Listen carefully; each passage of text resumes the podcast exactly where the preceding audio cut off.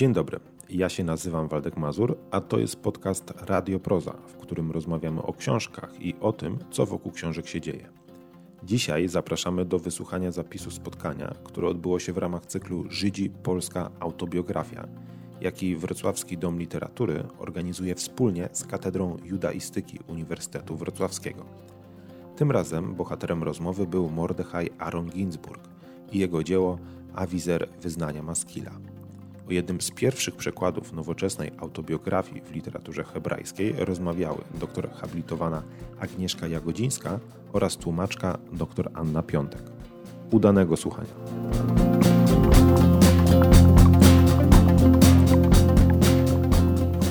E, dzień dobry. E, witam Państwa na kolejnym spotkaniu z, e, z cyklu spotkań poświęconych żydowskim autobiografiom. Dziękujemy prozie Domu Literatury Proza, że gości tutaj w zasadzie już stale można powiedzieć e, właśnie mm, osoby, które opowiadają o żydowskich tekstach autobiograficznych, które ukazują się w serii Żydzi Polska Autobiografia. Ukazało się do tej pory 20 tomów tej serii. Przed nami jeszcze na pewno 7, a, a może i więcej, bo kolejne propozycje do nas y, spływają.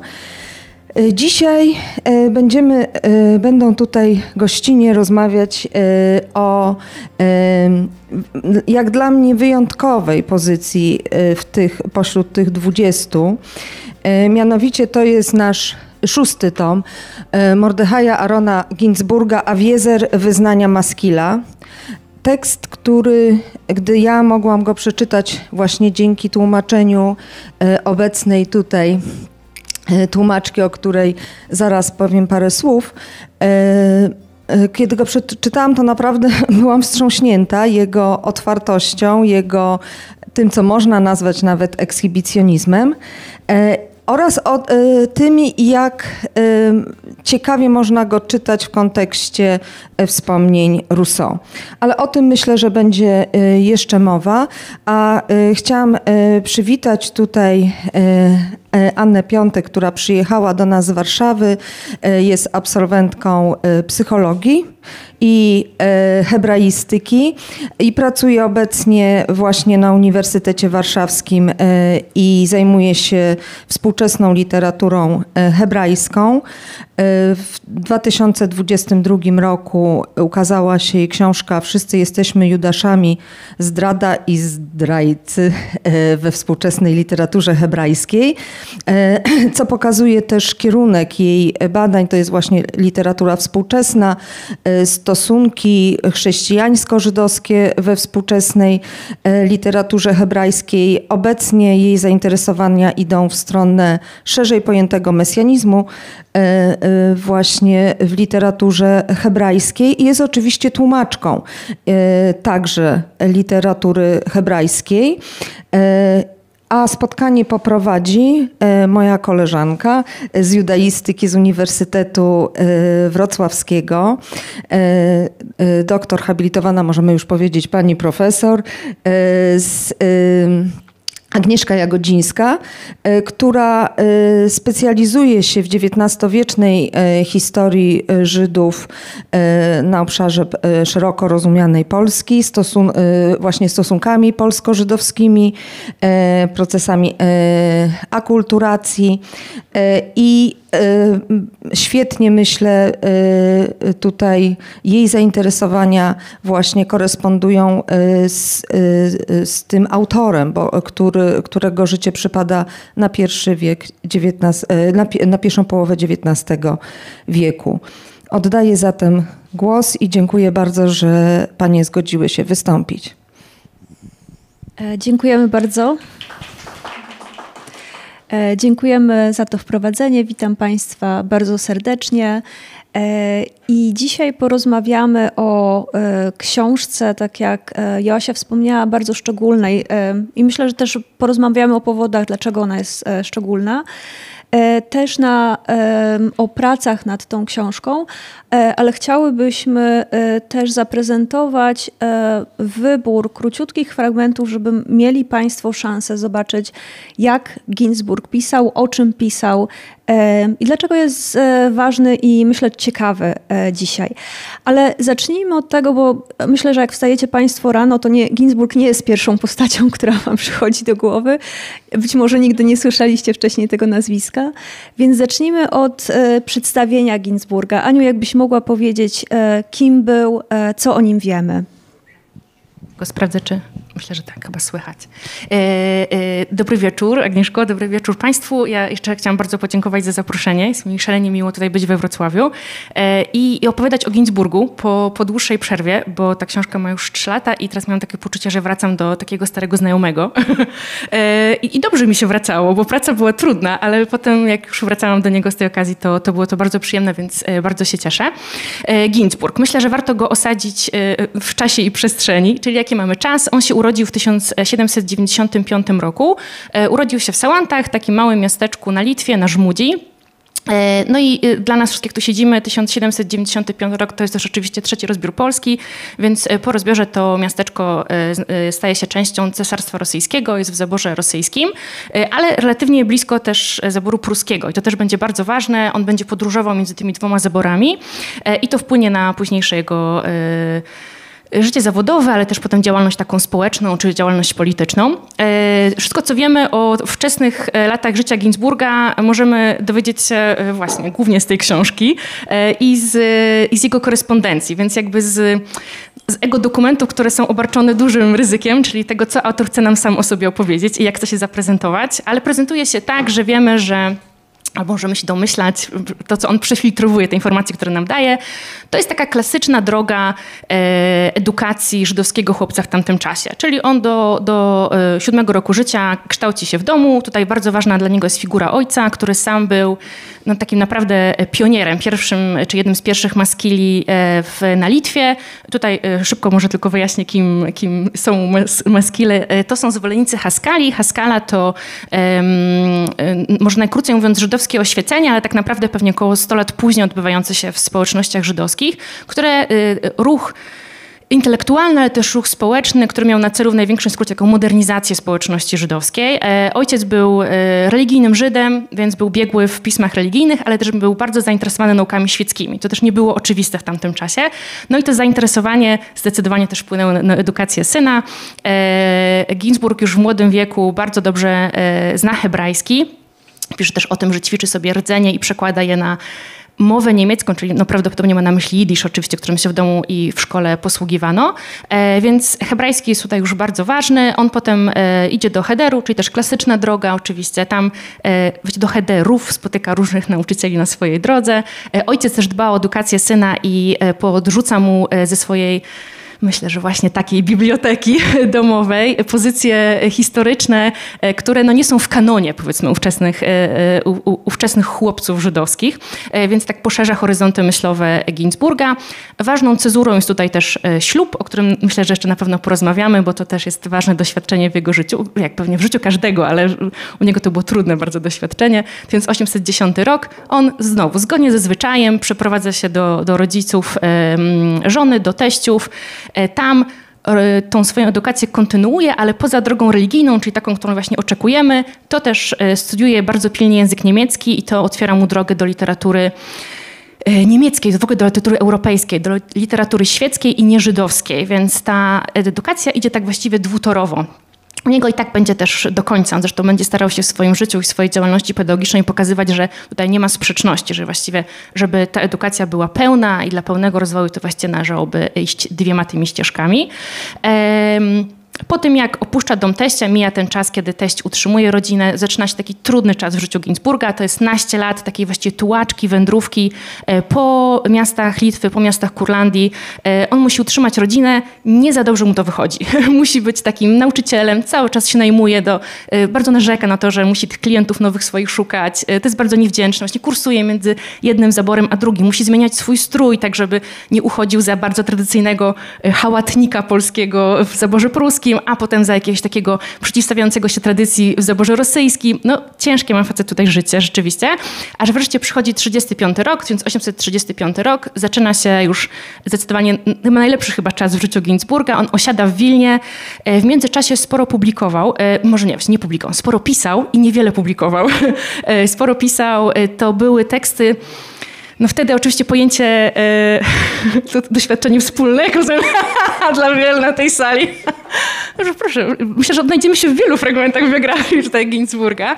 E, on dużo pisze, e, ale też warto dodać, że oczywiście to jeszcze era, której nie istnieją prawa autorskie i to jego dzieła są w większości adaptacjami, opracowaniami, tłumaczeniami i on dopiero właśnie po tym, w tym okresie wileńskim zaczyna rzeczywiście tworzyć oryginalne dzieła.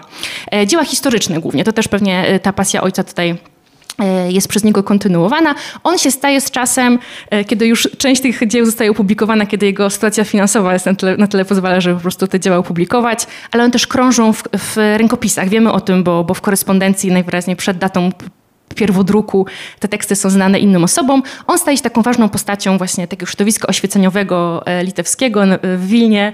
E, e, jego dom też staje się takim centrum właśnie dla spotkań pisarzy, spotkań badaczy, spotkań intelektualistów tamtych. On też kontynuuje pracę taką społeczną, pracę polityczną. Jest takim reprezentantem też środowiska żydowskiego wileńskiego. Spotyka się na przykład z Mojżeszem Montefiori, który przybywa, czy takim filantropem żydowskim, bardzo znanym, który tam przyjeżdża zbadać sytuację Żydów na Litwie. E, zwraca się też do cara w sprawie na przykład właśnie tego stroju. E, właściwie on składa taką petycję, żeby wymusić ten taki nowoczesny strój na Żydach. To też jest ciekawe. E, on liczy, że to się będzie wiązało z modernizacją po prostu społeczności.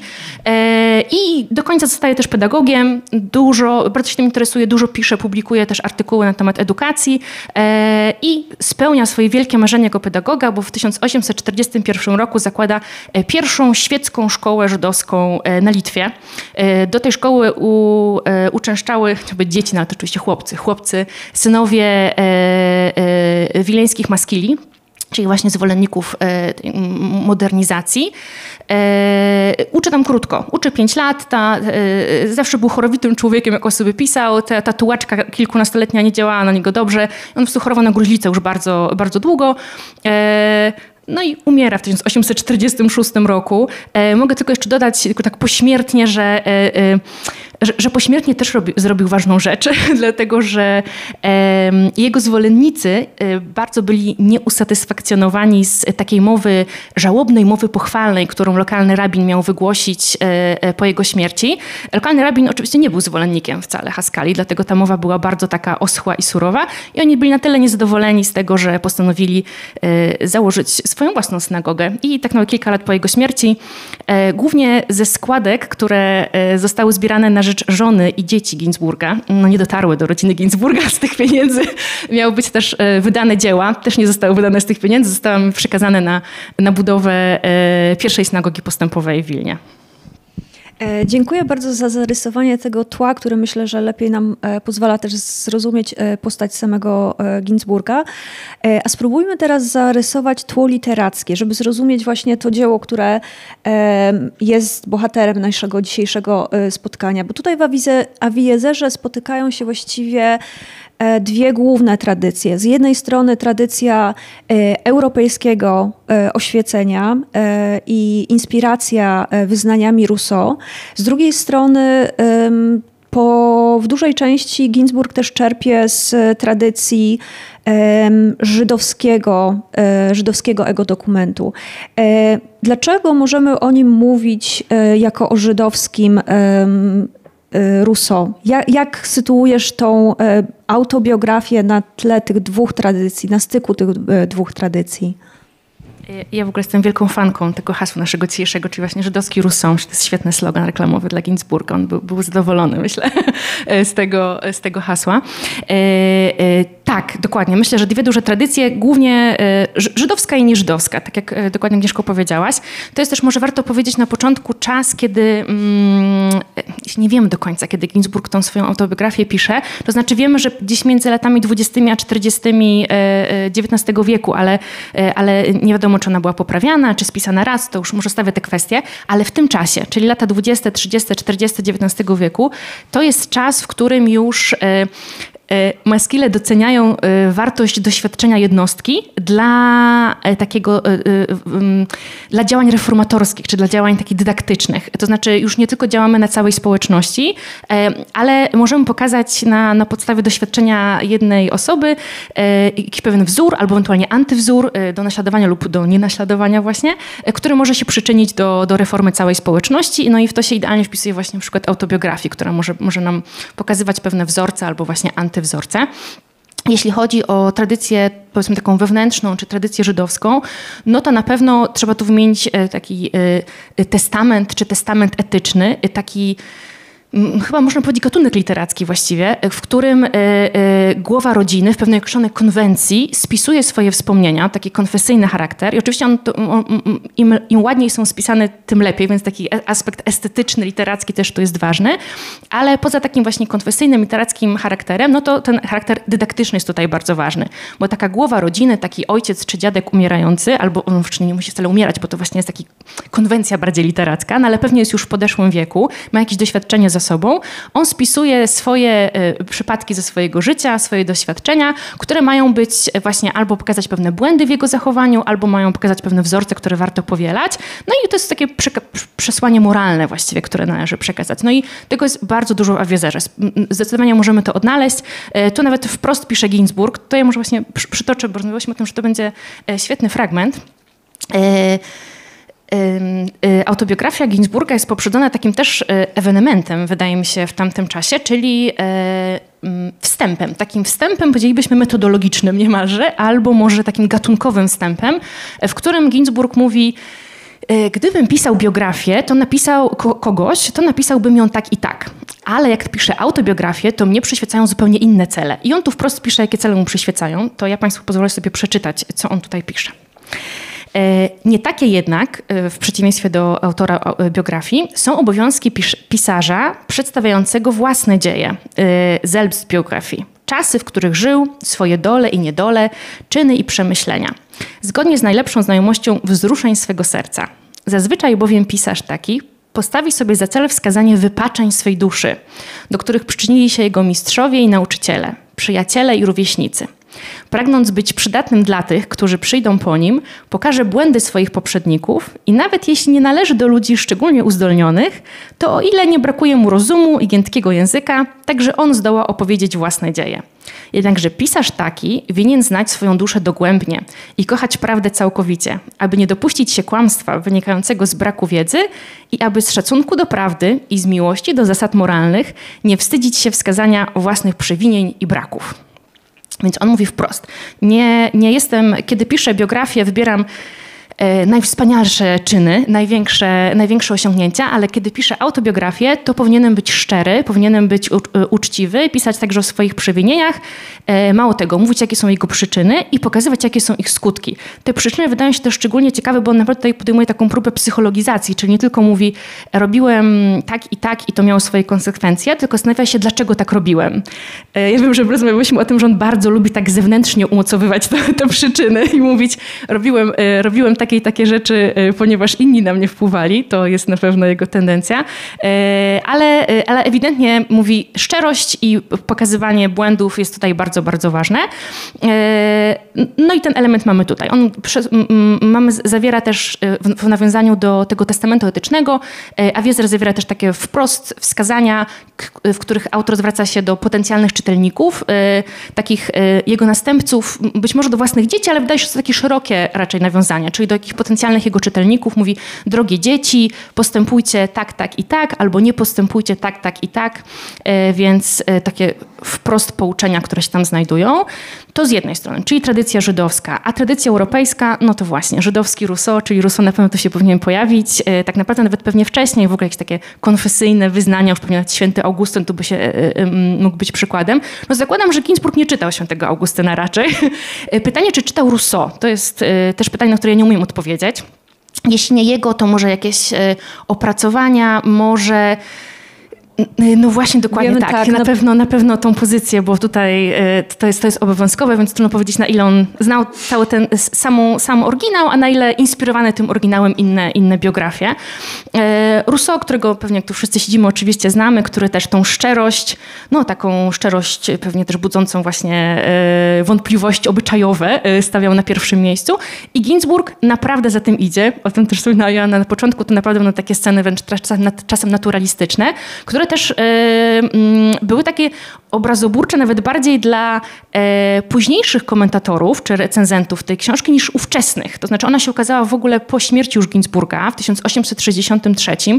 To, że się ukazała po śmierci prawdopodobnie też nie jest przypadkowe. Jakaś tam chyba cenzura równa, może polityczna, może rodzinna zadziałała, może zupełnie inne względy.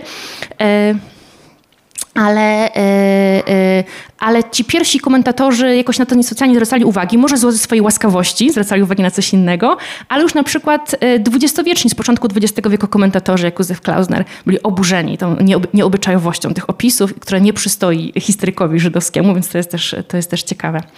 E, Więc szczerość, która jest dla taki właśnie realizm, naturalizm, która jest dla Ginsburga z jednej strony w ogóle e, gwarantem wiarygodności, czyli o ile nie powiem, że e, e, o ile, o ile opowiem o wszystkich swoich e, m, i dobrych e, zachowaniach i o swoich błędach, to zyskam poczucie, e, e, e, może zyskam wiarygodność czytelnika, a druga rzecz, wydaje mi się, że ta wiarygodność jest dla niego e, pewną obietnicą tego, że on będzie miał, taki, będzie miał szansę wpłynąć na kogoś. Czyli zakładamy, że ten czytelnik musi wierzyć, że, że, że tak naprawdę było i pokazując mu, jakie są tego konsekwencje, to mamy szansę jakoś tak dydaktycznie na niego, na niego wpłynąć. Tutaj została wspomniana biografia Maimona. Myślę, że o niej też można warto powiedzieć kilka słów. Salomon Maimon, czyli żydowski pisarz, filo- filozof, może czy filozof i pisarz, e, który no, prawdopodobnie, e, e, znowu być może Rousseau czytał, e, to by tak by na to wskazywało, ale na pewno był, to jest książka, która jest napisana tak przynajmniej no myślę, że 50 lat, znaczy, koniec, sam koniec XVIII wieku, to jest chyba, jeżeli dobrze pamiętam, to jest chyba autobiografia Maimona, napisana w języku niemieckim, to jest też ważne, bo będziemy właśnie rozmawiać o tym, jak, jak, istotna, jest, jak istotne jest to, że, że Ginsburg napisał swoją autobiografię po hebrajsku. E, Są wielkie podobieństwo, jest wielkie podobieństwo między, między autobiografią Maimona i, e, i autobiografią Ginsburga. E, Pojawiają się tam te same tematy, czyli to może nie jest aż takie dziwne, bo oni mają, mają do pewnego stopnia bardzo podobne doświadczenie. To jest ta sama ścieżka, którą ja już opowiadałam na początku, czyli mają doświadczenie edukacji domowej, potem oczywiście doświadczenie nauki w Hederze, potem bardzo wczesny ożenek. Ginsburg miał lat 14, kiedy był jego ślub, a Maimon 11, więc jakby o wszystkim, z czym to się wiąże, jeszcze porozmawiamy, no to już było naprawdę bardzo wczesne. E, Więc te same motywy, które tam się pojawiają, tam są nawet czasami bardzo podobne sceny, e, fragmenty, więc no, myślę, że możemy założyć z bardzo dużym podobieństwem, że Ginsburg znał, znał autobiografię Maimona i się też nią w jakiś sposób inspirował.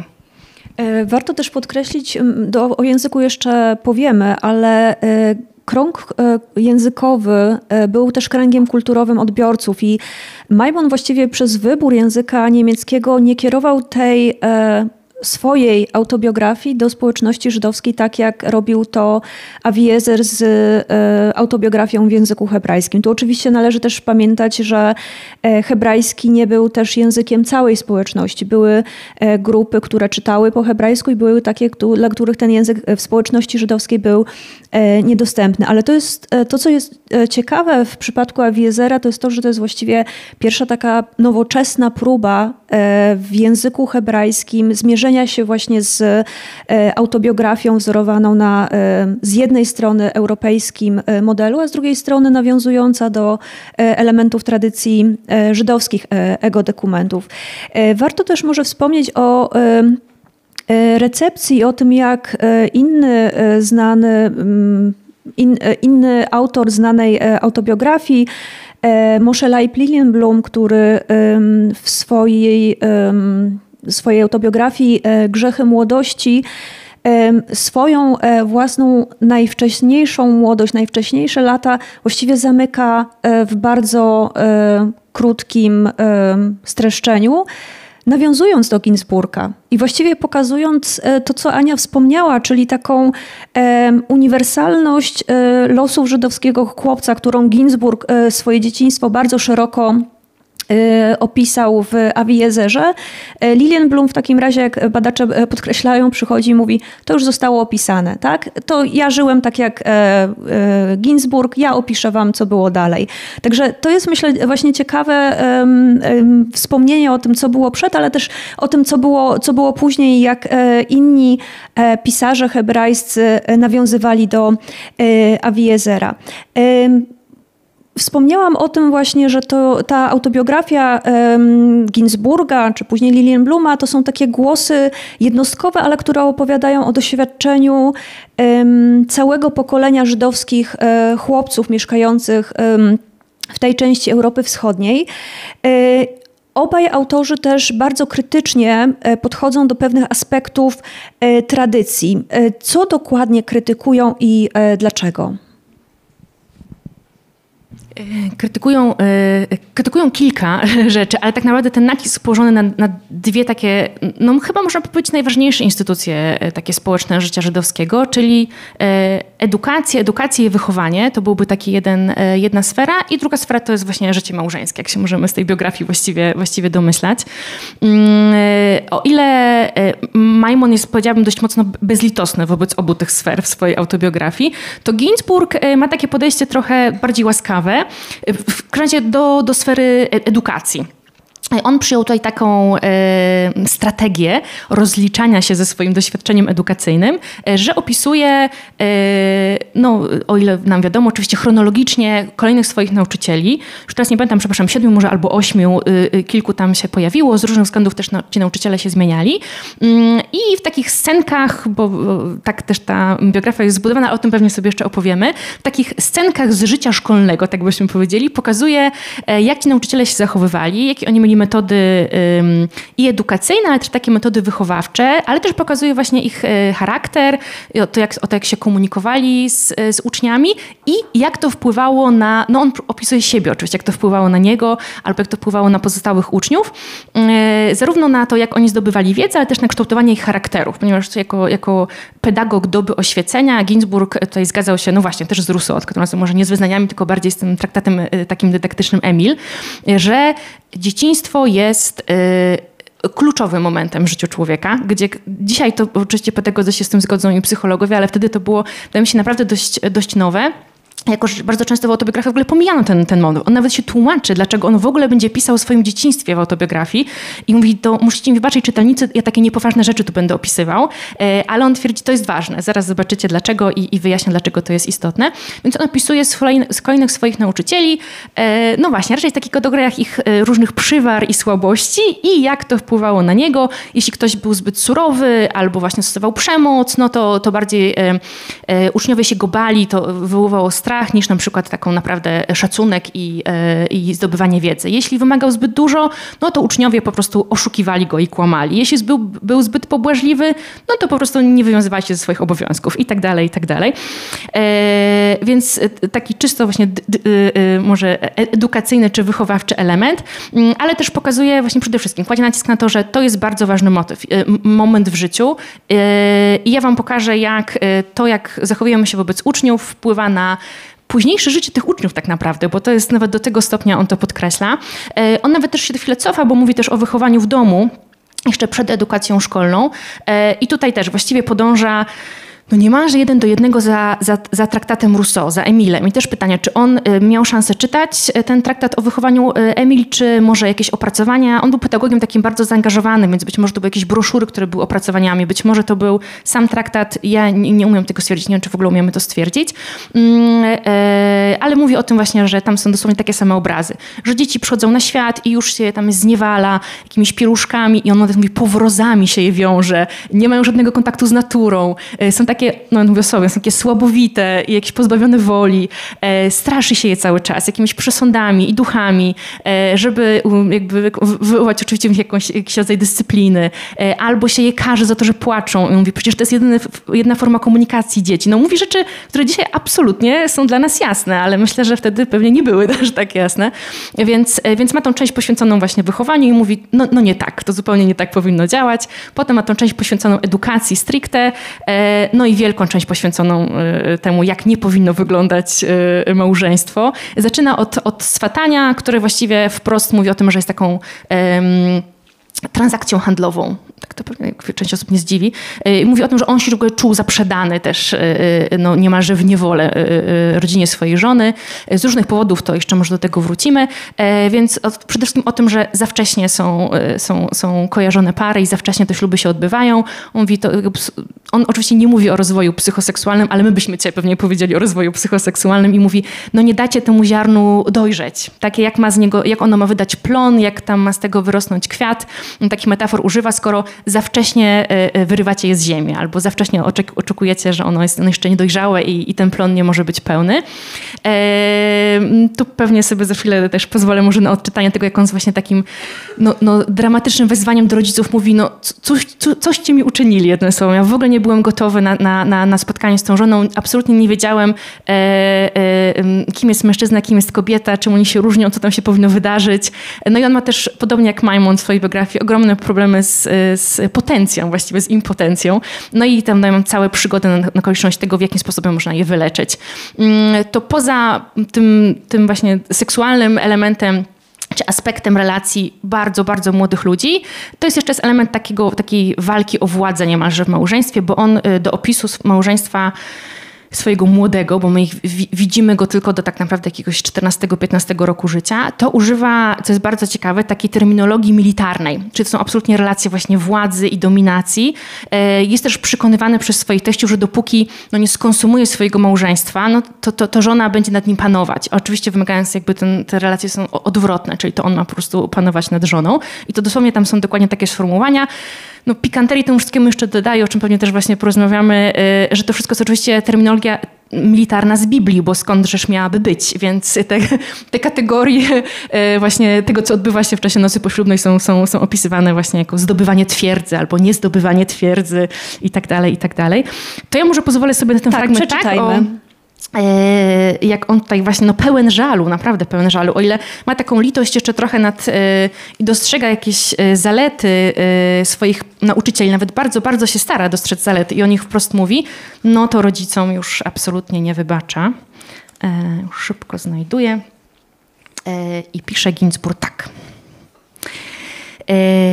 Oto nadszedł piątek, piąty Adar, a wraz z nim kres mej młodości. A czas mój nie był jeszcze czasem miłości. Praca ma obiada, pracą była mężczyzny, a siła ma siłą młodzieńca rodzice, rodzice. Czy przeszło wam przez myśl, żeście zgrzeszyli wobec młodzieńca, nakładając na jego barki brzemię mężczyzny? Czternaście lat miałem zaledwie. Serce me nie czuło pokusy, by spoglądać na dziewicę. Więcej niż Gemara włożyła w me usta, nie wiedziałem o tej wielkiej różnicy, jaką czyni litera hej ze znakiem kamac na końcu, słów młodzieniec i kawaler. To może szybki przypis. Tutaj w języku hebrajskim e, e, samogłoska e, czy znak wokalizacyjny kamac różnia nam rodzaj męski żeński, czyli w skrócie nie wiedziałem nic o różnicy między mężczyzną a kobietą. I w sercu moim nie było pragnienia, które natura rozpala w sercach mężczyzn, aby odkryć sekretne skarby kobiet. Pocałunek pięknej kobiety nie zachwyciłby mnie bardziej niż pocałunek urodziwego młodzieńca. I czemuż mam jeszcze próżno się wysilać, zmuszając naturę do przedwczesnego otwarcia jej kwiecia?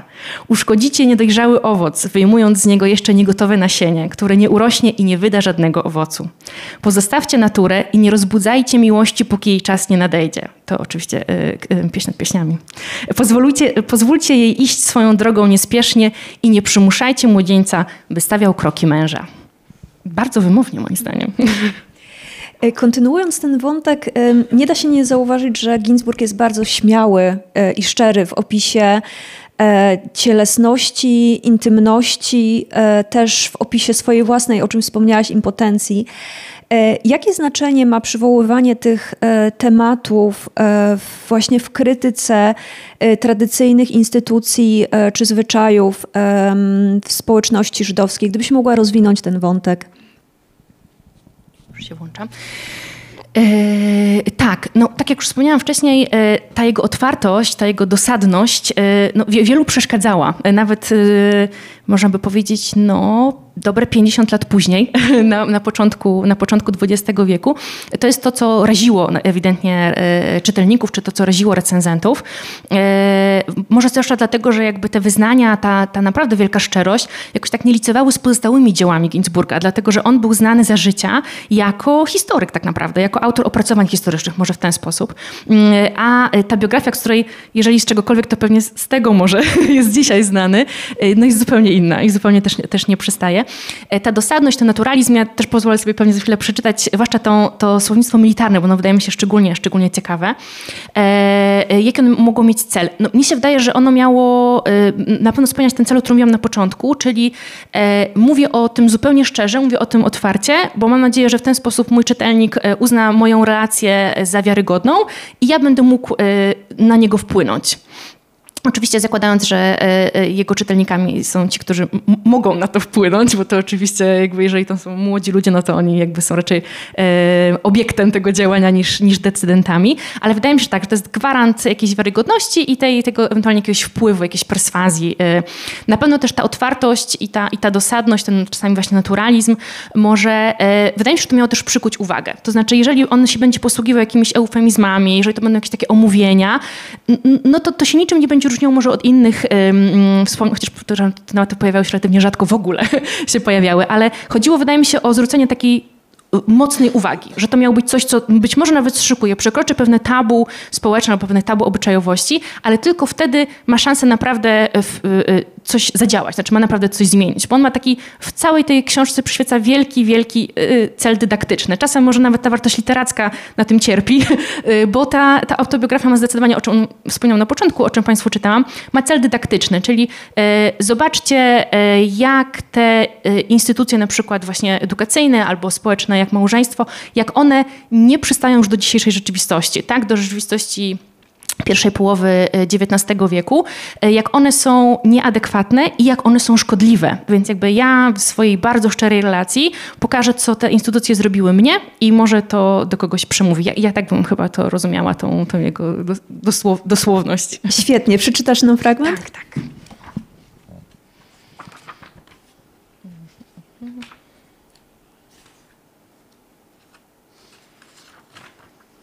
Okay? Tu mamy dramatyczny opis nocy poślubnej, także proszę się przygotować. E, I skoro wcześniej już Wam nadmieniłem, że w tamtym czasie nie przebudziła się jeszcze ma natura ku pożądaniu kobiet, nie ma potrzeby odsłaniać przed Wami zasłon mej sypialni, by pokazać, że jak w noc poprzedzającą niedzielę, 7 Adar, wszedłem e, na pieszczoty do łoża mej żony, tak wyszedłem z niego 8 Adar rankiem. Również kolejnej nocy nie nabrałem sił i nie postępowałem jak przystało na mężczyznę. Gdy tylko spojrzałem na twierdzę, stała oto przede mną otworem. Ledwie zawołałem w jej stronę, a już otwierała mi swe bramy. Porządki wojenne znałem świetnie z Gemary. Mimo to nie znalazłem odwagi, by wedrzeć się do twierdzy i zburzyć jej warownię, gdyż długa jest droga od wiedzy do możliwości. No w teorii, rozumiem, na lekcjach w Hederze coś tam wiedział, w praktyce zupełnie nie. I jeszcze pozwolę sobie e, przeczytać drugi kawałeczek, tylko tu mam ściągę, gdzie szukać e, gdzie te relacje właśnie władzy, siły e, też bardzo dobrze widać. Y, on tu opisuje e, relacje ze swoją żoną. Y, on miał lat 14 w dniu ślubu, żona miała lat 13, ale on podkreśla, że o ile on absolutnie nie wiedział co z czym i dlaczego i jak, to żona wiedziała doskonale. I też może dlatego to, to niedopasowanie było aż tak e, dojmujące i aż tak silne, e, e, no bo on oczekiwała chyba od tego 14-letniego chłopca skonsumowania tego małżeństwa, a oto jak on opisuje e, jakby różnicę między żoną a, a, a sobą i ich relacje. Natura poszła w odwrotnym kierunku w dniu, w którym wydała nas na światło świata. Żonę mą obdarzyła przymiotami mężczyzny siłą, mocą i zwinnością, tak iż dojrzał jej owoc miłości przedwcześnie i mając lat 13 i jałowicą była pojętną w spełnianiu pragnień mężczyzny. Mnie zaś natura dała ospałość i bezsilność, tak iż nawet w 14 roku życia byłem jak ciele nieuczone w spełnianiu życzeń kobiety w miłości cielesnej. Dlatego zawstydzała ta męska samica oblicze tego kobiecego samca w sprawach tego świata. gender tutaj płonie. E, fascynujący jest ten fragment, e, w którym, tak jak wspominałaś, e, opis nocy poślubnej jest właściwie opisany frazeologią Biblii i tej terminologii militar militarnej. I chciałabym, tak jak zapowiedzieliśmy na początku, wrócić do kwestii języka, bo wydaje mi się ona taka nieoczywista tutaj, a warto kilka rzeczy wyjaśnić. Mówimy o Ginsburgu jako o żydowskim Rousseau, tylko należy pamiętać, że Rousseau spisał swoje wspomnienia z życia po francusku, tak? z życia, które przeżył po francusku. Natomiast e, sytuacja e, Ginsburga jest e, diametralnie różna. E, dlaczego e, ta, to doświadczenie Ginsburga w XIX wieku i e, język, jaki wybiera, jest szczególny. Dlaczego w, tym, w, te, w tej kwestii różni on się, on, jego doświadczenie różni się od doświadczenia Ginsburga, Rousseau? Rousseau. Tak, tak, dokładnie. Rousseau żyje po francusku, pisze po francusku. Maimon żyje po niemiecku i pisze po niemiecku. E, a Ginsburg żyje Ginsburg żyje widzisz, żyje po hebrajsku i żyje po niemiecku, a pisze po hebrajsku. I to rzeczywiście warto podkreślić, że jest e, zupełnie nieoczywiste w tamtym czasie. E, on nawet e, w którymś momencie pisze, mam nadzieję, że jakoś bardzo tego nie przekręcę, że on płodzi myśli w mowie niemieckiej. I tutaj pewnie w jego przypadku to będzie dwuznaczne, to znaczy on ma na myśli i jidysz i niemiecki, jako że jidysz jest dla niego językiem doświadczenia od dzieciństwa i językiem na pewno edukacji szkolnej i też językiem społeczności tamtej czasu w tamtym czasie oczywiście w społecznościach żydowskich, litewskich, ale też y, on funkcjonuje w e, sferze niemieckojęzycznej. Już mam się ten taki Hochdeutsch, czyli naprawdę niemiecki-niemiecki, dlatego, że on nawet bardzo dobrze znał niemiecki, jak już wspominałam, był też tłumaczem, tłumaczył na przykład dokumenty i w swojej działalności językowej, o czym też zaraz opowiem, zapożyczał z różnych języków. To były głównie zapożyczenia oczywiście z niemieckiego, bo to było jego doświadczenie językowe też w jakimś sensie. To był jego język intelektualny, czyli jidysz to był ten język doświadczenia, powiedziałabym, takiego życiowego. To językiem intelektualnym, językiem, w którym on czytywał na przykład różne opracowania, był na pewno język niemiecki, on nawet był nazywany nieco pogardliwie przez niektórych germanistą, no, jakby tak bardzo podkreślając ten jego wpływ e, języka niemieckiego na niego. E, ale wybiera, a przepraszam, miałam powiedzieć ten cytat, on e, płodzi myśli w mowie niemieckiej, ale przyodziewa je w e, najczystszą szatę języka świętego, czyli oczywiście języka hebrajskiego.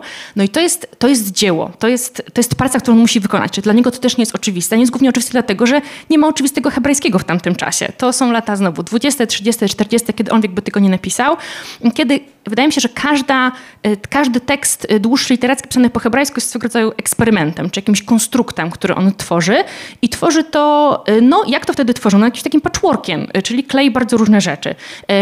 Y, podstawą tego patchworku, jako osnową będzie na pewno terminologia biblijna, e, no bo była wtedy oczywiście podstawą większości, może biblijna, ale też może z późniejszych też etapów rozwoju hebrajskiego. Akurat u Ginsburga to rzeczywiście będzie bardziej Biblia niż na przykład Miszna czy Gemara, czyli późniejsze e, pisma religijne, no, takie, taki kanon świętych tekstów e, judaizmu. E, przede wszystkim będzie, przede wszystkim będzie, będzie, będzie Biblia, ale potem też e, dodatkowe wstawki. Więc jakby mm, tutaj na pewno trzeba podkreślić dokładnie, że on e, wymyślił sobie, tak jakby podjął tą próbę, ten wysiłek, bo to też był wysiłek dla niego, żeby tą biografię pisać właśnie po hebrajsku. A dlaczego? No i tutaj wracamy do tego znowu nadrzędnego celu. To był cel dydaktyczny, absolutnie. Czyli on mówi, ja jestem maskilem e, i moim celem, poza tym, tym celem dydaktycznym, czyli pewną reformą społeczną, jest też cel e, wzbogacenia e, języka hebrajskiego i uczynienia go możliwie naturalnym, możliwie współczesnym, możliwie prostym, ale w najlepszym tego słowa znaczeniu. Czyli żeby on nie był sztuczny, tak jak był, czyli język, który, który tak naprawdę był językiem, no znowu, oczywiście używanym przez lata, ale głównie do celów e, może naukowych, religijnych. Mm, to, ten język miał odtwarzać na przykład dialogi. To jest też potem problem w prozie, wczesnej prozie hebrajskiej, która udaje dialogi, które nie mogły być wypowiedziane, ponieważ nikt ich nie wymawiał nigdy po hebrajsku, więc on też tak trochę robi. Sam nie jest czasem pewien tych swoich kroków e, i kiedy e, albo tworzy neologizmy, ja tak myślę, że on chyba tworzył te neologizmy, mm, na podstawie najczęściej kalki z języka niemieckiego, tworzy jakieś słowo po hebrajsku, ale ma najwyraźniej same wątpliwości, czy to będzie w ogóle zrozumiałe dla czytelnika hebrajskojęzycznego, jakiegoś tam, bo to, to, to grono czytelników, o którym Anieszka wspomniała, jest też bardzo ograniczone w tamtym czasie, do którego on pisze. E, on e, wstawia nawias i pisze w nawiasie słowo niemieckie, które było podstawą tej kalki językowej. Zapisuje je w alfabecie, e, w piśmie jidysz, po to, żeby oczywiście zachować cały ten ciąg tego samego pisma. Ja się też długo zastanawiałam, e, czy to może są po prostu jidiszowe słowa, ale no, wyszło mi to, że, że, nie. To są niemieckie słowa, które są zapisywane alfabetem, e, no, alfabetem hebrajskim, ale oczywiście w alfabecie jidysz, w wszystkich znakach, które stosuje jidysz, e, które ewidentnie w takich momentach, tego jest może kilkanaście, w tekście kilkadziesiąt, kiedy on mówi, ja tu teraz wstawiam słowo po hebrajsku, ale wydaje mi się, że moi czytelnicy nie będą wiedzieć, o co chodzi, więc ja wam wytłumaczę, o co mi chodzi i tak, tak to robię. Więc jakby tutaj widzimy doskonale no, tą eksperymentalność tego języka, to jak on też, on wkłada w to wysiłek, no i na pewno wysiłkiem też było czy, czytanie go w jakimś sensie w tamtym czasie, bo to grono było właśnie niewielkie. Dobrze też pokazuje może mm, ten, ten niewielki zakres, e, jakiś e, pewien epizod z jego życia, bo on dwukrotnie próbował założyć hebrajskojęzyczne czasopismo w Wilnie i e, raz to się, to się obiło po prostu o o to, że e, e, drukarnie żydowskie, ortodoksyjne, powiedzmy tak w cudzysłowie, oczywiście nie chciały go, go wydrukować, bo stwierdzili, że jeżeli wydrukują to czasopismo, no to na przykład nikt nie będzie chciał u nich już drukować, nie wiem, Talmudu na przykład e, w społeczności ortodoksyjnych. Więc to była ta kwestia, ale za drugim razem to po prostu było tak, że e, nawet jeżeli znaleźli drukarnię, jeżeli znaleźli drukarze, to nie było pisarzy, którzy mieliby regularnie do tego pisma pisać i grono czytelników, na co narzeka w jednym z listów Ginsburg jest bardzo małe i mówi, komu to, kto to ma robić i dla kogo ma to robić. Więc to rzeczywiście było e, no, pionierski czas właściwie pisania. Tak, tym bardziej jak, e, że, że, wiemy z historii prasy, że zdarzały się takie przypadki, że wychodziła nowa gazeta, jeden kupował, a pięcioro pożyczało i czytało, także też e, mm, ekonomicznie to było przedsięwzięcie nieopłacalne. Mówisz o języku. E, chciałabym pociągnąć dalej ten wątek i zapytać o twoje doświadczenie pracy nad przekładem i wyzwania, jakie y, napotykałaś, y, jakbyś mogła nam powiedzieć, jaki ten język był? Czy on jest jednolity, czy różni się we fragmentach? Powiedziałeś, że wysiłkiem też było e, czytanie e, Ginsburga w jego czasach, ale myślę, że nie tylko w jego czasach, e, że dzisiaj też tłumacz, e, redaktor, e, autorka opracowania mierzą się z, e, z wyzwaniem, jakim jest przybliżenie tego właśnie doświadczenia Wiezera polskiemu czytelnikowi. Tak, zgadza się. E, dla mnie, dla mnie wszystko było tu wyzwaniem, muszę przyznać otwarcie. E, e, tak jak już właśnie Joanna wspominała wcześniej, ja się zajmuję na co dzień literaturą hebrajską, czyli współczesną, czyli powiedzmy taką, która ma do 100 lat wstecz, tak od lat 20., 30. XX wieku.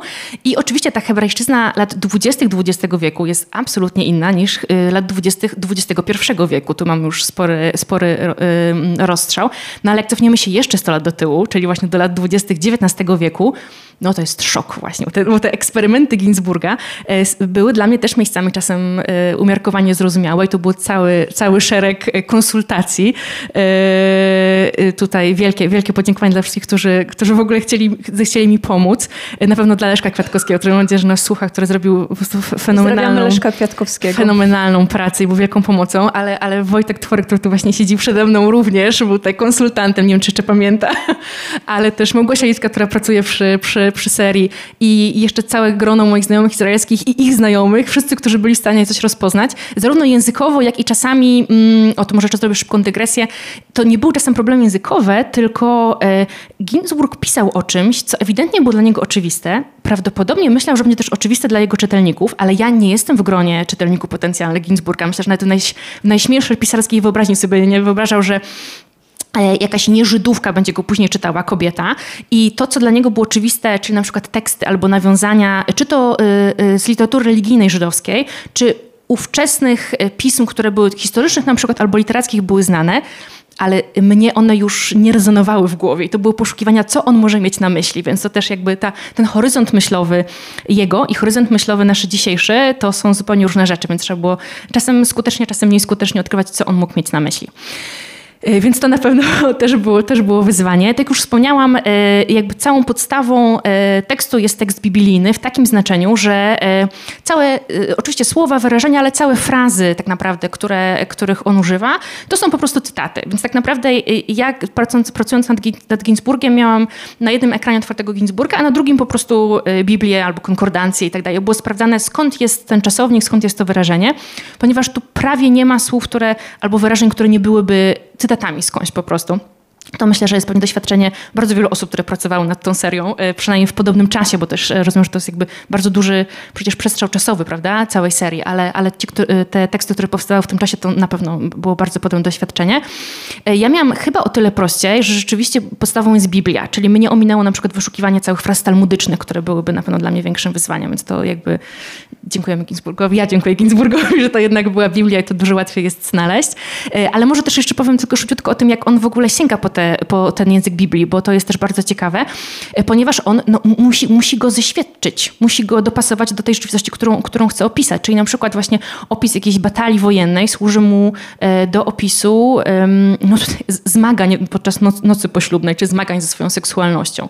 E, czy pewne sformułowania, które były używane absolutnie w kontekście religijnym, czy w kontekście na przykład Boga czasami, on zabiera te wyrażenia i, i używa ich w kontekście ludzi na przykład, czyli to, że tam e, Bóg e, udziela ze swojego ducha komuś, no to nauczyciel udzielał ze swojego ducha komuś, czyli jakby rzeczywiście cały ten kontekst religijny jest e, no, zdjęty i, i jakby jest, są te frazy używane w zupełnie e, e, po, e, takim świeckim znaczeniu. No właśnie łącznie z tym, że takich naturalistycznych on tam e, opisuje, muszę też tylko zajrzeć, sposoby na, tą, na, tą, na rozwiązanie tego swojego problemu z impotencją.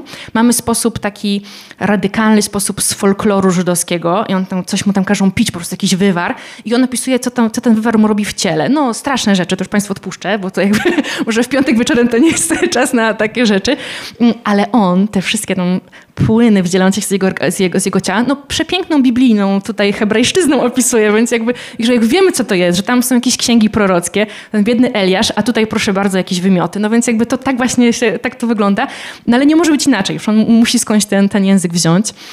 E, mamy też bardzo dużo, tak już wspomniałam, sporo jest zapożyczeń, ponieważ jakby jemu brakuje w tej tkance wciąż jeszcze jakbyś określań na pewne rzeczy, więc je zapożycza. Zapożycza je najczęściej z niemieckiego i tworzy jakieś takie neologizmy.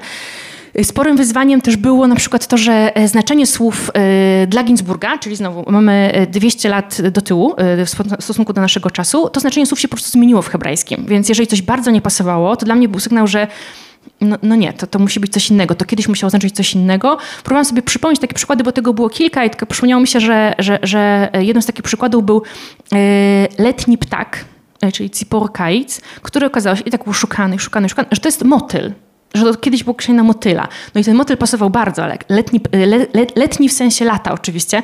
Letni ptak, nie wiem czym miałby być, to miał być motylem. Pamiętam, że tam było też chyba z jaszczurką i, i z pająkiem, był też słowa, więc jakby takie, które teoretycznie mogłyby pasować, ale one nie miały za bardzo sensu w takim znaczeniu współczesnym, więc należało właśnie kopać, kopać, kopać w historycznych słownikach do tego, żeby tam e, do tego, do tego dotrzeć.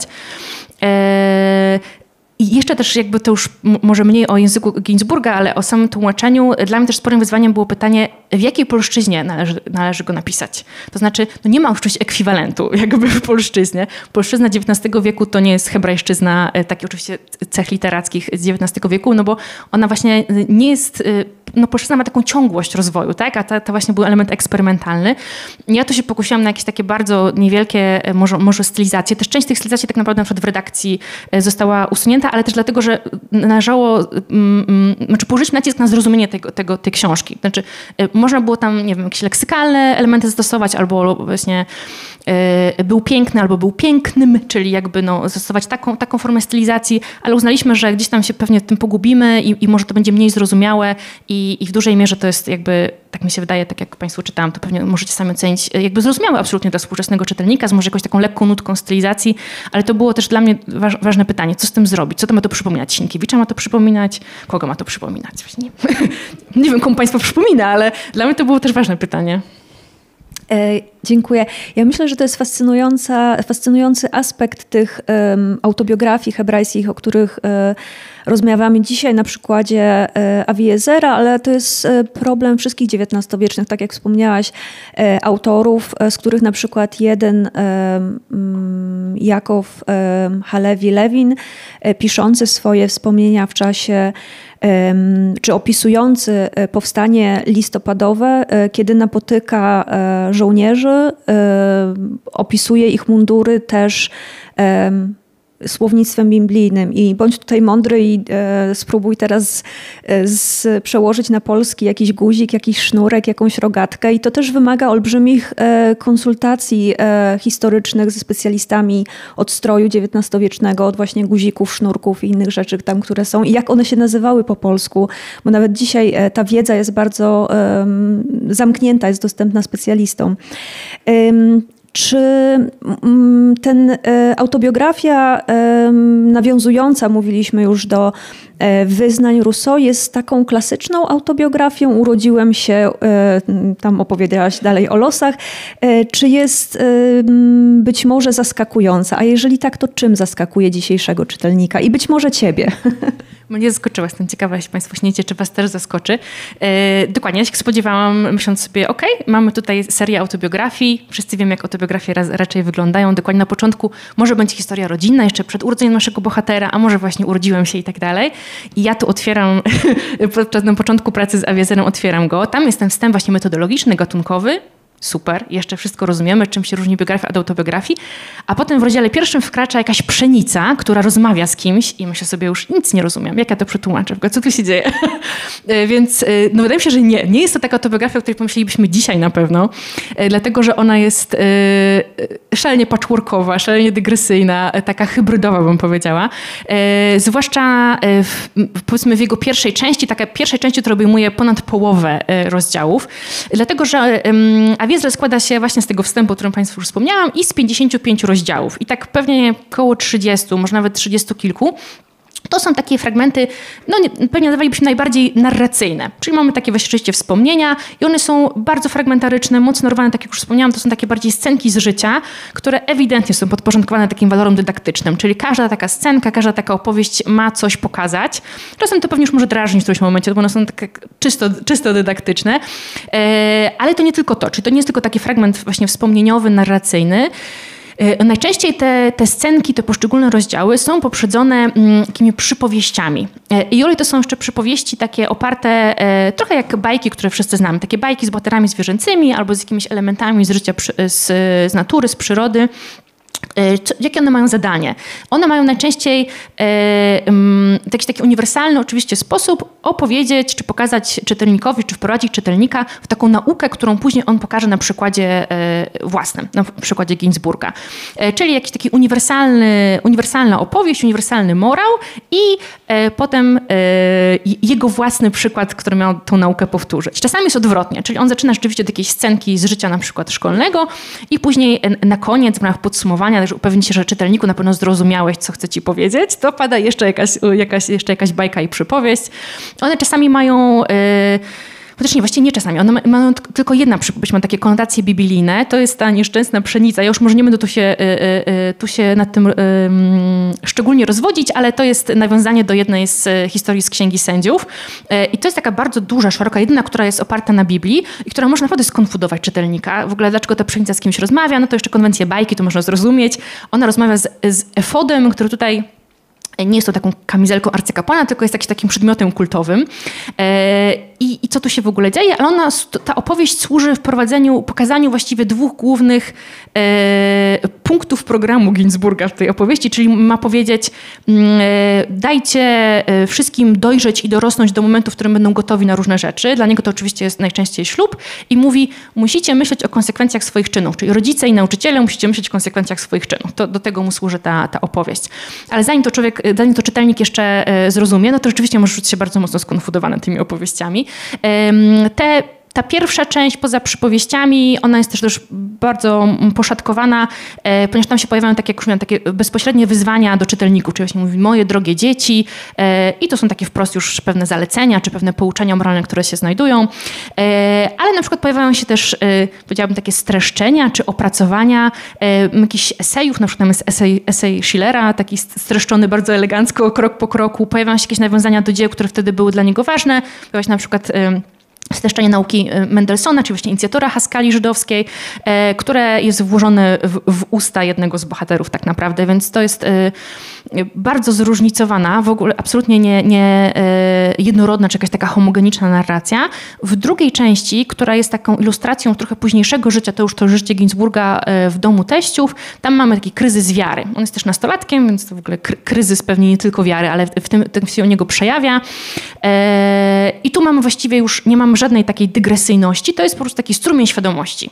Czyli strumień świadomości naszego bohatera, jego rozważania na temat e, czy, czy, mamy jakąś sprzeczność między takim e, filozofią, między filozoficznym racjonalizmem, a tradycyjnym judaizmem? Czy on jest w stanie to pogodzić, czy nie?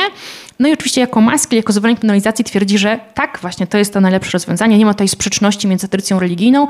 I e, Ginsburg tak też w swoim życiu e, jakby chciał to realizować. Czyli on mówił, e, ja jestem zwolennikiem liberalizmu, czy nie mówię, tylko pisał oczywiście liberalizmu myśli i swobody, ale nie w zachowaniu. To znaczy w teorii i w myśleniu tak, ale w zachowaniu ja jestem bardzo tradycyjnym Żydem. Już oczywiście był takim dość konserwatywnym, dzisiaj pewnie powiedzielibyśmy zwolennikiem Haskali. Trzecia część, ostatnia, króciutka, to są właściwie takie partie dialogowe, e, bardzo wzorowane na takich dialogach e, platońskich właściwie. Dialogach platońskich, które były inspiracją dla jednego właśnie z dzieł Mendelssohna, Mojżesza Mendelssohna, inicjatora Haskali, czyli do jego traktatu Fedon. I on nawet mówi wprost. Ja teraz włożę w usta mojego bohatera, wbrew temu, co pisałem na początku, nieprawdziwe słowa, bo on jakby zarzekał się, że będą tylko wiarygodne i oryginalne słowa ponieważ te słowa, które my naprawdę wymienialiśmy, no to one tak nie licują z takim dziełem, który ja tu piszę. One były dobre dla chłopaka nastoletniego, którym byłem ja, ale ja teraz chcę moim czytelnikom coś mądrego przekazać, więc ja mm, włożę w usta swoje i mojego, i mojego e, interlokutora e, moje przemyślenia filozoficzne, więc jakby na, na modłę Fedona e, je, mm, je konstruuję i po prostu je piszę. Więc jak widzimy, nawet szybkie bardzo przejście przez te części pokazuje, że to są, to jest bardzo, bardzo zróżnicowane zróżnicowany tekst, to, to, pewnie jest też ciekawe, ale też pewnie nie ułatwia, wydaje mi się, lektury tego tekstu, bo to nie jest pewnie to, czego byśmy się e, spodziewali. E, Może. A pokażesz nam jakieś takie fragmenty właśnie, które nie są czystą biograficzną narracją? Pojawiają się też tam przyśpiewki, e, tak, nasze ulubione, oprócz Pszenicy, która była naszym absolutnym hitem. Pszenica jest wspaniała. Jak już okazało się, o co chodzi. Super, a na co mamy ochotę? Na co Państwo mają ochotę? Na przyśpiewki? Dobrze.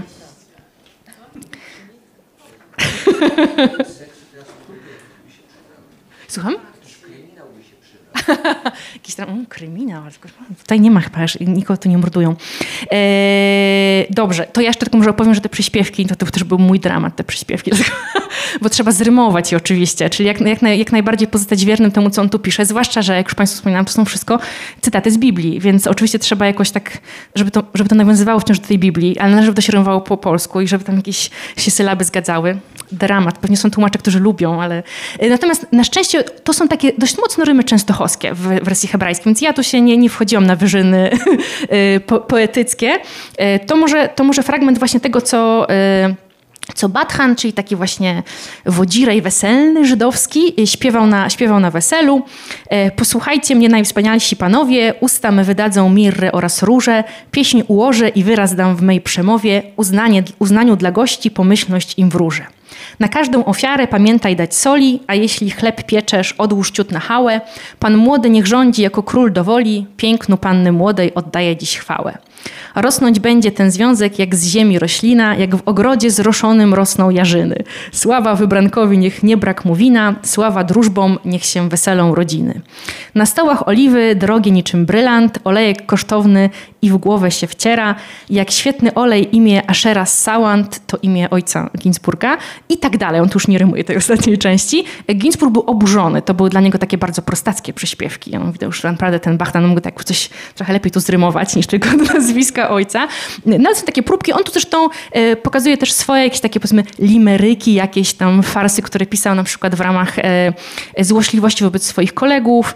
E, mamy tu też jego tłumaczenia, a pamiętajmy właśnie, to jest tekst hebrajski. On tu przy, przy E, przytacza też teksty, które on zna, e, widzisz, aha, ta przyśpiewka była widzisz. I on nawet mówi tak elegancko o tym, że, e, że on tu nam, czytelnikom ją przetłumacza na hebrajski, ale on od razu ostrzega, że ta pieśń tutaj ochrypła przełożeniu na hebrajskie, że to widzisz, trzeba tego słuchać, więc to też jest bardzo ciekawe, że on tak z góry właściwie przeprasza, bo to nie będzie to, co powinno być, ale miał też teksty na przykład niemieckie, które przekładał, kiedy tam przy, przy, sprzeciwiał się przesądom i tam właśnie jakąś taką anegdotkę przytaczał uwierszowaną na temat tego, że nie należy wierzyć przesądom.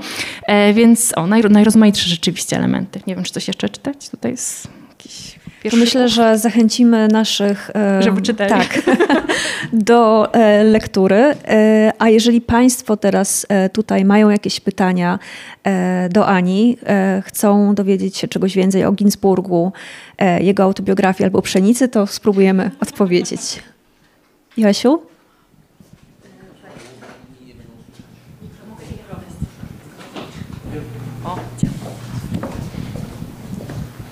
Bardzo dziękuję za tą fascynującą opowieść. Ja chciałam dwa pytania Ci zadać. E, po pierwsze, chciałam się odwołać do Twojej drugiej nogi wykształcenia, e, czyli e, psychologii. I no, myślę, że obcując bardzo długo z takim tekstem, bo ja wiem, jak się tłumaczy teksty i jak długo, jak bardzo się poznaje osobę mówiącą w tekście, Jaki ci się wyłonił profil psychologiczny tego? E, czy zastanawiałaś się nad tym, e, co to był, jaki to był gościu? co byś o nim powiedziała od strony e, bardziej psychologicznego podejścia? A drugie to chciałam, bo o tym troszkę powiedziałaś, że w jego epoce Rozumiem, że te y, wspomnienia były lepiej przyjęte niż później były krytykowane. Czy mogłabyś coś więcej potem też powiedzieć o recepcji, aż jeżeli tylko możesz, jak dzisiaj, jaka jest jego dzisiaj pozycja w kanonie literatury hebrajskiej? Dobrze, super, bardzo dziękuję. E, profil psychologiczny Ginsburga, super pytanie. E, ja może zacznę tak trochę jeszcze z innej strony, bo e, ja bardzo doceniam tą jego próbę psychologizacji i moim zdaniem to jest naprawdę bardzo współczesna pedagogika, którą on tutaj próbuje uprawiać. E, w ogóle zwrócenie uwagi na to, jak zachowania jednych osób, czyli właśnie opiekunów e, czy wychowawców wpływają na dzieci. No, absolutnie prawdziwa rzecz, która wcześniej była, no jeżeli, nie wiem, czy ktokolwiek był tego świadomy, ale przede wszystkim chyba nikt na to nie zwracał uwagi. To, było, to, to były dzieci i jakby no, zanim oni stali zanim te dzieci stały się dorosłe, to właściwie nie miały specjalnego znaczenia, umówmy się. Więc jakby to jest, ja to doceniam bardzo. Tą próbę też właśnie nie tylko pokazania e, zachowania i konsekwencji, ale też próbę e, znalezienia przyczyny tego zachowania. To jest też jakby, to, to jest taka no, bardzo, wydaje mi się, już współczesna, bardzo, bardzo modernistyczne podejście, czyli e, nie tylko jakby skutek, ale też jakby przyczynowość. E, no, tak jak chyba się e, rozmawialiśmy z Agnieszką wcześniej też podczas lektury, on tą przyczynowość mocno, mocno na zewnątrz kładzie. I to może irytować, wydaje mi się, y, tro, trochę, bo on z jednej strony to jest, y, no to jest właśnie takie duże osiągnięcie, to, że on pokazuje, jak pewne zachowania wpływają na, na charakter, na, na, na, na usposobienie, ale mało tego, on też mówi na późniejsze zachowania w absolutnie dorosłym życiu. Wydaje się, że Ginsburg spisuje te wspomnienia, znowu tego wspomniałam, to nie jest jasne kiedy, ale na pewno z perspektywy dorosłego, dojrzałego człowieka i on mówi, e, no możemy mu ufać lub nie oczywiście, bo on mówi to, co chce mówić, ale mówi nam, e, ponieważ mój nauczyciel zrobił x, x, y, albo na przykład był e, konflikt interesów między tym, co mówił mój nauczyciel, a tym, co mówił mój ojciec, to ja do dziś nie mogę się zdecydować, czy A, czy B i nie ufam w ogóle swojemu osądowi. I lepiej popełnić błędy za radą innych osób, niż mieć rację za, z, z powodu własnej decyzji. No i pytanie oczywiście, czy to jest jakaś tam przesada, czy nie, ale on rzeczywiście, e, więc z jednej strony bardzo doceniam jego, mi się, dużą wnikliwość i taką naprawdę pedagogiczne, pedagogiczne podejście, ale z drugiej strony no on nie jest niczemu winien w swoim, w swoim życiu. Ta przyczynowość jest ewidentnie zewnętrzna. No to nie jest przecież prawda. Nikt z nas nie ma aż tak zewnętrznie umocowanej y, przyczynowości. Część to są nasze decyzje, ale naprawdę on z perspektywy dorosłego człowieka tak przynajmniej kreuje swój obraz jako, no ja dzisiaj postępuję w życiu tak, ponieważ przydarzyło mi się to, to i to. No i to chyba nie jest do końca okay, z mojej perspektywy. Ale to jest tak, jego, jego wizja tej rzeczywistości. Wydaje mi się, że on w żadnym miejscu nie mówi, e, no mówi o swojej młodości, że na przykład, no byłem tam hultajem przez jakiś czas, albo właśnie, nie wiem, nie byłem dobrym uczniem przez jakiś czas, to się zgadza. Ale te wszystkie dorosłe decyzje są, mają zawsze jakąś taką przyczynowość zewnętrzną. E, a jeśli chodzi o kwestię recepcji, tak, to też jest właściwie ciekawe. E, tak jak już wspomniałam, e, e to Ginsburg umiera w 46, 1846. Książka wychodzi dopiero szybko liczę, chyba 17, tak? Bo w 1863, czyli, czyli po 17 latach, znowu to też możemy, różne pewnie były tego przyczyny. Może też treść była przyczyną tego, dlatego, dlaczego ona wychodzi dość, dość późno. I ona tak, y, no może nie zupełnie bez echa, ale z bardzo małym echem przychodzi, kiedy się ukazuje. Mi się wydaje, że takiego wspomniałam, dlatego że ona była zupełnie z innej bajki. To było zupełnie inne i wydawało się jakieś takie niepoważne, nieprzystające do tego historiografa, historyka, do tego pisarza, badacza żydowskiego, który był naprawdę już potem pod koniec swojego życia bardzo znaną postacią, założycielem szkoły, był znanym działaczem takim też politycznym, społecznym, pedagogiem i nagle takie treści.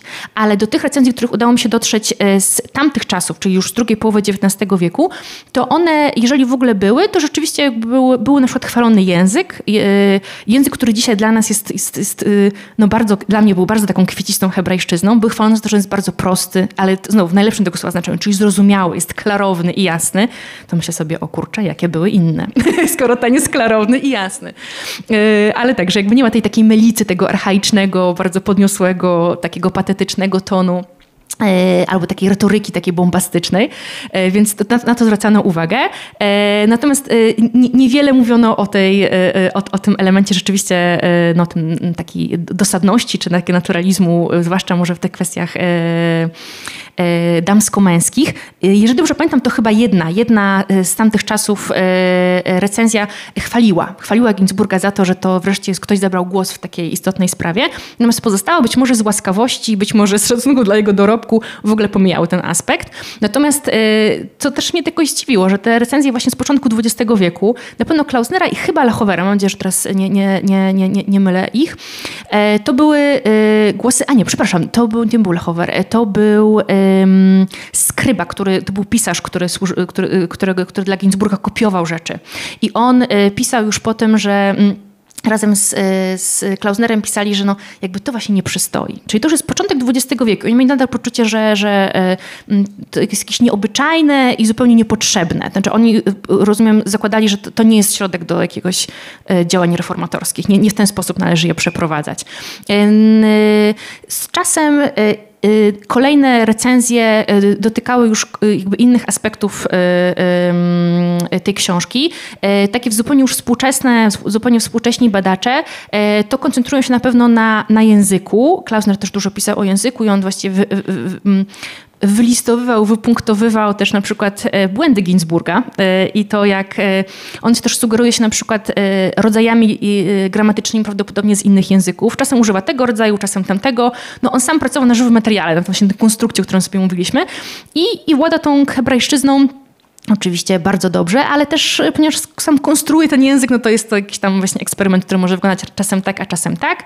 Mm, e, e, inne aspekty, które są ważne, to są na pewno właśnie krytyka tych instytucji życia społecznego, czyli zupełnie tematycznie podchodzą do tego, a na pewno też ważnym elementem jest gatunkowość, czyli właśnie zwracanie uwagi na to, jak ta autobiografia, jak ona jest skonstruowana, jak ona, do jakich tradycji nawiązuje, jakie elementy z poszczególnych tradycji możemy odnaleźć. To chyba te elementy, które najważniejsze są dla tych współczesnych jeszcze było miejsce, tak, miejsce w kanonie. Mm, e, e, wydaje mi się, że to nie jest dzisiaj dzieło szczególnie e, poczytne i szczególnie znane. Ono ukazało się po hebrajsku o kurczę, 2009, już teraz nie pamiętam, w opracowaniu Versesa, Szmuela Versesa i to był chyba 2009, tak mi się wydaje. Mm, więc ono jest dostępne, jakby też opracowanie z rękopisu. Więc to jest tekst, który jest, znany, który jest dostępny po hebrajsku, ale e, nie wydaje mi się, żeby on był powszechnie znany absolutnie. No, badacze hebrajskojęzyczni i badacze angielskojęzyczni to są ci, którzy się tym tekstem zajmują. E, wydaje mi się, że inni też może nie, dlatego że Eliezer nie ma innych wersji. To znaczy nie był przetłumaczony nigdy w całości na żaden inny język, więc jest teraz po hebrajsku, czyli w oryginale, no i jest po polsku, więc super. E, widzisz, to były tylko fragmenty. Ja znalazłam fragmenty Awiezera mm, w podręczniku do literatury jidysz, dokładnie, który miał tylko tam fragmenty przetłumaczone i, i te fragmenty, które znalazły się tak naprawdę tylko w artykułach angielsko-anglojęzycznych, ale nie, nie, nie, jest, nie jest przetłumaczony, więc wydaje mi się, że też bardzo ogranicza zasięg jego po prostu dzisiaj dostępności. Tak, tylko kto może go czytać. E, jeżeli mogę jeszcze dodać do tego, co powiedziałaś, myślę, że Ginsburg podzielił los innych pisarzy e, diasporowych, jak to możemy określić, jeżeli mówimy dzisiaj o literaturze w, e, czytanej w Izraelu. I oni są gdzieś tam właśnie w anałach historii literatury, ale nie czyta się ich. I ja pamiętam ze swoich zajęć ze studentami na Uniwersytecie Hebrajskim, kiedy rozmawiałam o takich nazwiskach jak e, Perec, Mendele Moichersforim, pytałam właśnie studentów, e, czy znają te nazwiska, czy czytają. Zapadło milczenie, a potem ktoś powiedział, o jest taka ulica w Tel Awiwie. Więc e, są te pamiątki ich e, wkładu, e, ich jakby świadectwa tego dziedzictwa, ale to jest ulica w Tel Awiwie. Natomiast te teksty nie są tak powszechnie dzisiaj czytane i mi się wydaje, że to jest również zaleta naszego projektu, że my przynosimy te wspomnienia nie w języku, w którym były pisane, ale w tej przestrzeni, w której powstawały przestrzeni diaspory, więc umożliwiamy polskiemu czytelnikowi, który, e, którego przodkowie dzielili doświadczenie bycia e, w przestrzeni Europy e, Wschodniej i jakby przywracamy tych, tych autorów i dajemy wgląd polskim odbiorcom w doświadczenie, w historię, w te rzeczy, które no, bardzo często są zapominane. Marcinie? Y,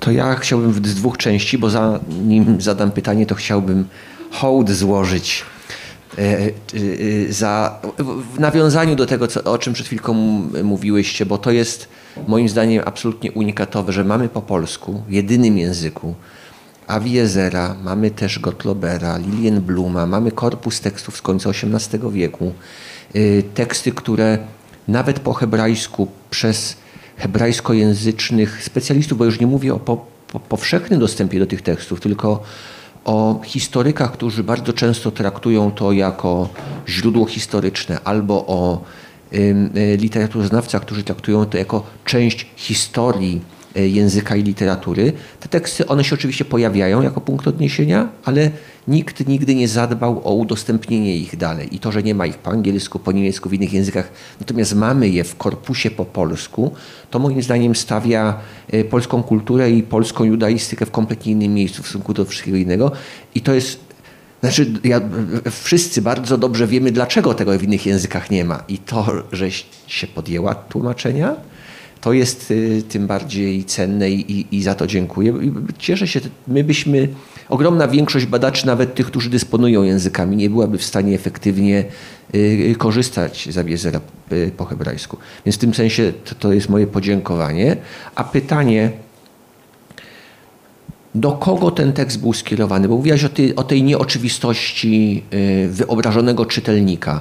Jak on mówi moje dzieci, to tak oczywiście nawiązuje do testamentu etycznego, do Megilot, y, takich bardzo starych gatunków, ale tutaj te dzieci są w jakimś innym znaczeniu. Może, może też dzieci w znaczeniu dzieci w headerze, czyli ten aspekt dydaktyczny, ale znowu, kiedy y, porównujesz y, z Maimonem i do kogo on to skierował, a więc dlaczego to dzieło napisał.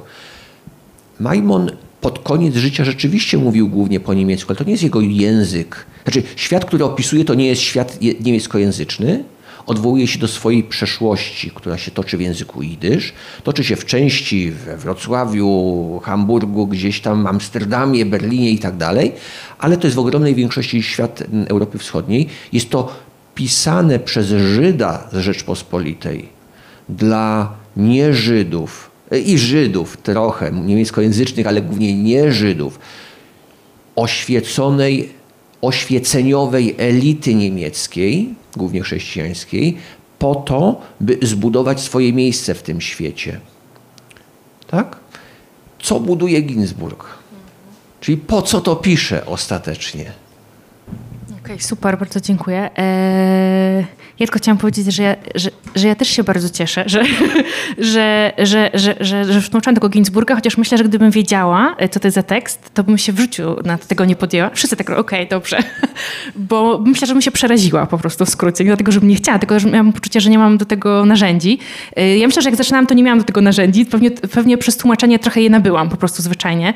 I teraz jak e, kartkowałam sobie to tłumaczenie po, no, po trzech latach właśnie odkąd się okazało, to oczywiście chyba też jak każdy miałam poczucie, że to teraz to inaczej by było, ale też to tylko i wyłącznie dlatego, że jestem już bardzo, może nie bardzo, trochę mądrzejsza dzięki pracy, którą, która została wykonana i jeszcze raz mówię, dzięki też bardzo, bardzo wielu osobom, które mi tutaj pomogły. Więc e, to też była wielka, wielka, wielka nauka dla mnie. E, to a propos pierwszego, a drugiego. Mhm, dokładnie, kiedy on mówi, on nawet w kilku miejscach mówi, Keynes po kilku miejscach mówi, do kogo, do kogo, do kogo to kieruje. Oczywiście on tak trochę... Mm, no, to, jest dokładne pytanie. To jest konwencja oczywiście. To jest konwencja, to jest jego filtr, który on mówi, tak jest. E, oczywiście pytanie, czy właśnie, no, tak jak już wspomniałam, ja, my tutaj siedzący na pewno nie byliśmy w jego głowie jako czytelnicy, czytelnicy Awiezera, więc, więc to na pewno, na pewno nie do nas. I ja myślę, że mówi do Żydów. Mówi do Żydów zdecydowanie i nie, e, jeśli takie było audytorium Majmona, albo taki był jego cel, to ja bym zaryzykowała, że to nie był cel Ginsburga.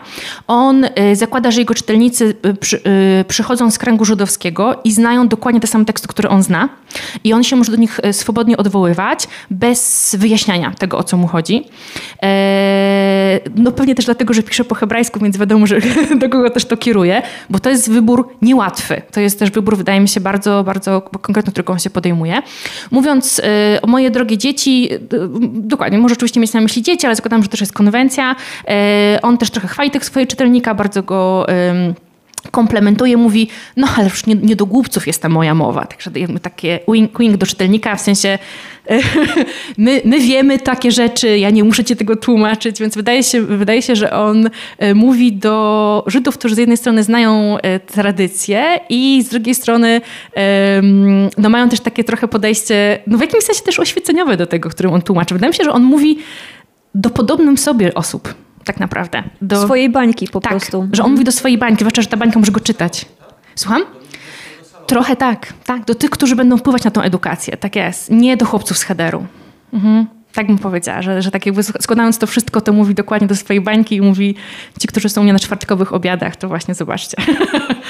Y, tak, to, tak to wyglądało. On też w jednym z listów, które zostały publikowane w takim zbiorze właśnie epistemologicznym, y, epistolarnym, y, Dwir mówi też, że że jest w trakcie pisania takiego dzieła, na którym z dumą stawia swoje nazwisko i to jest dzieło, które naprawdę jest jego, to podkreśla, bo tak jak mówię, większość to były opracowania, adaptacje i tłumaczenia e, i on je kieruje dla on mówi tam o swoich dzieciach, ale to potem jest oczywiście znowu no, takich potomnych do tych, którzy przyjdą i że on jest z niego naprawdę dumny, to jest to, co, to jest jego oryginalny wkład. E, ale, ale tak myślę, to nie, to nie są dzieci, to są takie dzieci oczywiście mentalne, konwencjonalne. E, on mówi do tych, którzy, którzy dokładnie rozumieją tradycje, czyli są, są religijnymi Żydami, albo przynajmniej, nie, może nie religijnymi to są osoby, które e, przeszły religijne, e, e, religijną edukację, bo to oni są już potem na różnych etapach oczywiście, ale doświadczyli dokładnie takiej samej drogi jak całe pokolenie, ale z drugiej strony w ogóle są otwarci na takie idee, które on mówi, który on właśnie robi takie, puszcza oko i mówi, no ty przecież wiesz jak to jest, tak, jakby ja nie muszę ci tego tłumaczyć. Tak bym chyba zaryzykowała. Czy mamy pytanie? Bardzo proszę. Mam dwa krótkie pytania. Jak zrozumiałem, Ginsburg, jak pani powiedziała, żył w bańce. Ale czy rzeczywiście żył w bańce, jeżeli w tym samym czasie języki wszystkich sąsiadów ulegały głęboko idącej przemianom? Powstał litewski, czeski, ukraiński. Jak się przeczyta Bralczyka, to i częściowo polski. I czy były jakieś oddziaływania, że on też chciał się w ten nurt ogólny wpisać, że czas język unowocześnić. A drugie pytanie, czy miał kiedykolwiek kontakt z ludźmi związanymi z Jakubem Frankiem? Dziękuję.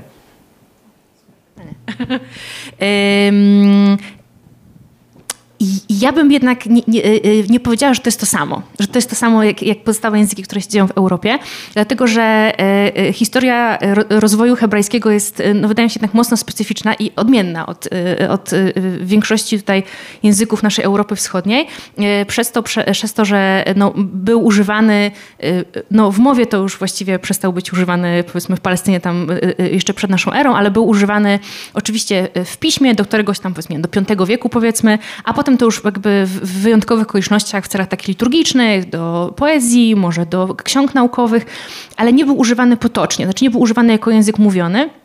E, e, tutaj nigdzie właściwie tak, no tutaj w diasporze oczywiście też, ale nigdzie.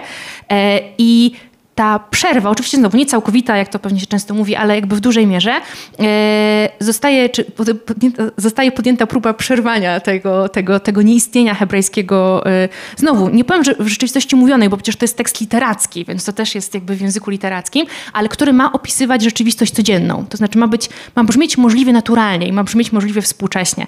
Więc w tym sensie ja, ja bym powiedziała, że to jest trochę, trochę inne i trochę bardziej, trochę większy, większy, większe wyzwanie tutaj stało przed, przed pisarzami, czy w ogóle ludźmi słowa, badaczami tamtych czasów żydowskimi, e, ci, którzy rzeczywiście chcieli przywracać hebrajski, bo rzeczywistość się zmieniła, minęło, nie wiem, 18 wieków, minęło 19 wieków, odkąd, a może i 20, odkąd ostatni raz ten język opisywał mm, potoczną rzeczywistość, czyli jakby mamy no już tak powiem teraz już bardzo, mamy rydwany, a potem mamy automobile. I teraz jakby tym samym językiem i tym samym rdzeniem należy opisać, żebyśmy potem naprawdę tym samym rdzeniem, należy opisać jedną rzeczywistość i drugą.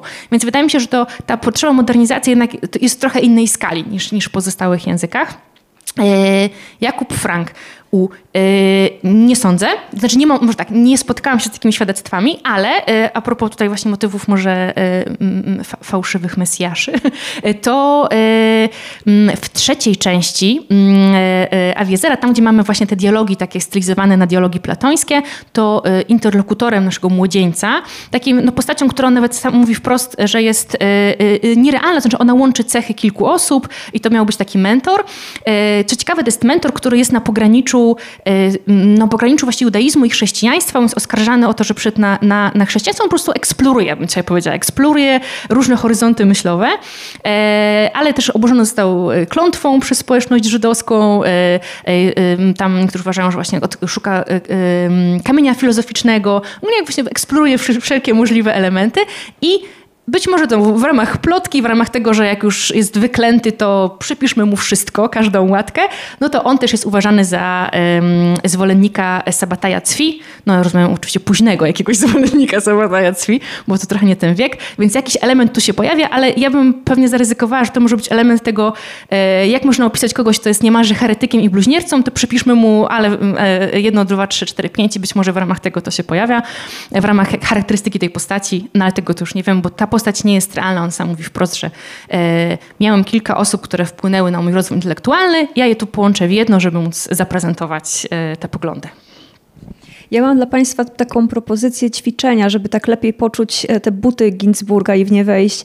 E, wyobraźcie sobie Państwo, że chcecie opisać komuś, co dzisiaj robiliście, jak korzystaliście z telefonu komórkowego, z internetu, czym przyjechaliście na to spotkanie, ale do dyspozycji macie Biblię i to jeszcze w tłumaczeniu Jakuba Wójka i ten zasób słownictwa jest tym, czym możecie, czego możecie użyć, żeby opowiedzieć o tym swoim doświadczeniu. Także myślę, że Ginzburg całkiem e, nieźle sobie radzi. Czy mamy jeszcze jakieś pytania? E, to chyba. E, przy... Tak? Anegdotę, ale prawdziwą. Dwójka badaczy pracowała w Grecji i pod wieczór chciała pojechać do Heraklionu, żeby zobaczyć no, zabytki, ale nie wiedzieli, czy do tej miejscowości wrócą, y, czy będzie transport. No i pan profesor Anglik poszedł do najbliższej y, y, kiosku, sklepiku, no i się pyta, czy tam można dojechać i czy można wrócić. No i przychodzi dumny i mówi koleżance, tak, oczywiście wrócimy. A ona się pyta, jak tyś się dogadał? A on mówi, no było trudno, bo ona tylko grecki zna, po angielsku słowa, ale ja w szkole się uczyłem greckiego. No mówi, no dobrze, a y, jak się dowiedziałeś i spytałeś o autobus? No nie wiedziałem, ale powiedziałem, kiedy odchodzi ostatni rydwan. To jest to. E, Bardzo dziękujemy. Aniu, dziękujemy, że tutaj do nas e, przyjechałaś, żeby po latach wrócić do, do Aviezera. Dziękujemy wszystkim Państwu tutaj na sali i e, też internetowo za e, obecność i e, zapraszamy do e, lektury Ginsburga. Jeżeli Państwo chcą się dowiedzieć, czy pszenica była alterego Ginsburga, czy nie, inne sekrety zapraszamy do lektury w tłumaczeniu, opracowaniu Ani. Dziękuję. Ja też chciałam bardzo Bardzo dziękuję.